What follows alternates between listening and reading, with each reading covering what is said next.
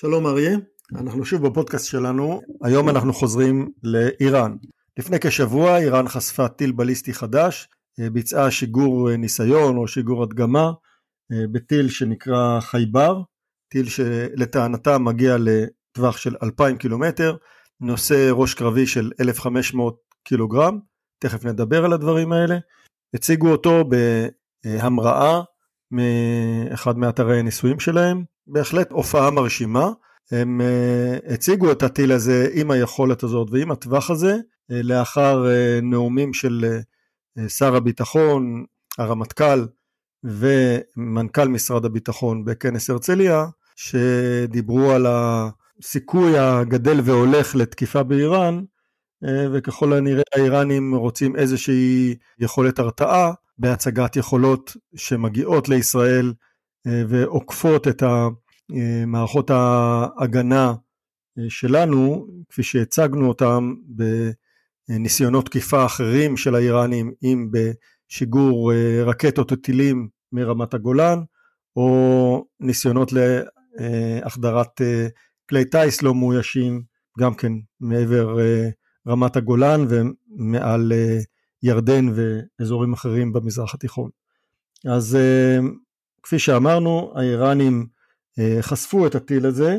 אם אנחנו מסתכלים על היכולת של הטיל, זאת יכולת שהיא לדעתי לפחות פחות uh, מתקדמת מטילים אחרים שיש להם היום.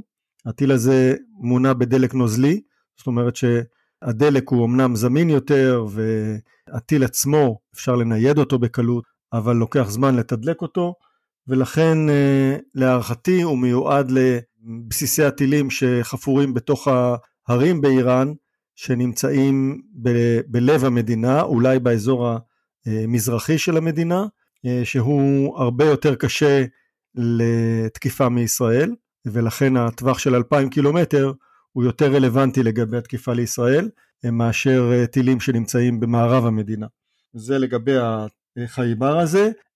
טילים אחרים שאיראן הציגה כבר לפני 12 או 13 שנים, בסביבות 2009, הטילים האלה, הסג'יל 1 ו-2, זה טילים שיכולים להגיע לטווח של 2,000 קילומטר, נושאים אה, ראש קרבי של 1,500 קילוגרם, וההבדל בינם ובין החייבר הוא שהם אה, מתודלקים בדלק מוצק, זאת אומרת הם מוכנים לשיגור כבר מהגיעם לאזור השיגור, הם לא צריכים את התדלוק במקום, כך שהתגובה שלהם הרבה יותר מהירה.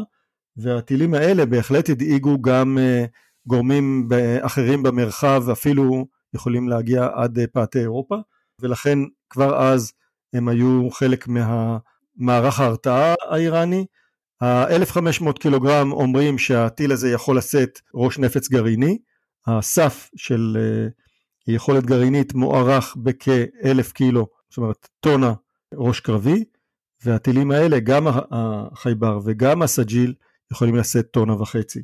כך שהיכולות האלה הן יכולות מתקדמות. מול ישראל האיום הוא ביכולת שיגור מעומק איראן ולא מהגבול המערבי, וזאת בעיה לישראל. כן, בהחלט ישראל מודעת להתפתחות המהירה. תשומת הלב לגבי איראן בעולם אה, אה, מופנית בעיקר לתוכנית הגרעין שלה. האיראנים מתקדמים בתוכנית הזאת, צוחקים לכל העולם בפרצוף, לאמריקה, לאירופה.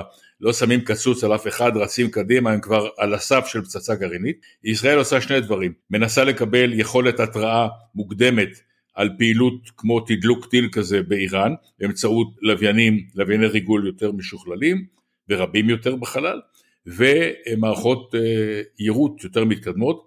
כרגע מפתחים, תעשייה אווירית מפתחת את אה, החץ 4, שהוא חץ אה, מיירט לטילים בליסטיים יותר מתקדם מהחץ 2 והחץ 3, יש לו יכולת תמרון וכל הדברים האלה נעשים כדי להיות מוכנים לכך שאיראן יום אחד תחליט לשגר אה, טילים עם רש"קים אה, קונבנציונליים, רש"ק גרעיני לעבר ישראל, אי אפשר לדעת מה יטולו שם, יחליטו באיזה בוקר או באיזה ערב, ולכן ישראל נערכת למצב הזה, בהחלט התפתחות מעניינת ומדאיגה, ובישראל ערים לכך, אנחנו כמובן נמשיך גם לעקוב אחרי הנושא הזה, ונעדכן אתכם באחד מהפודקאסטים הבאים שלנו. תודה תמיר.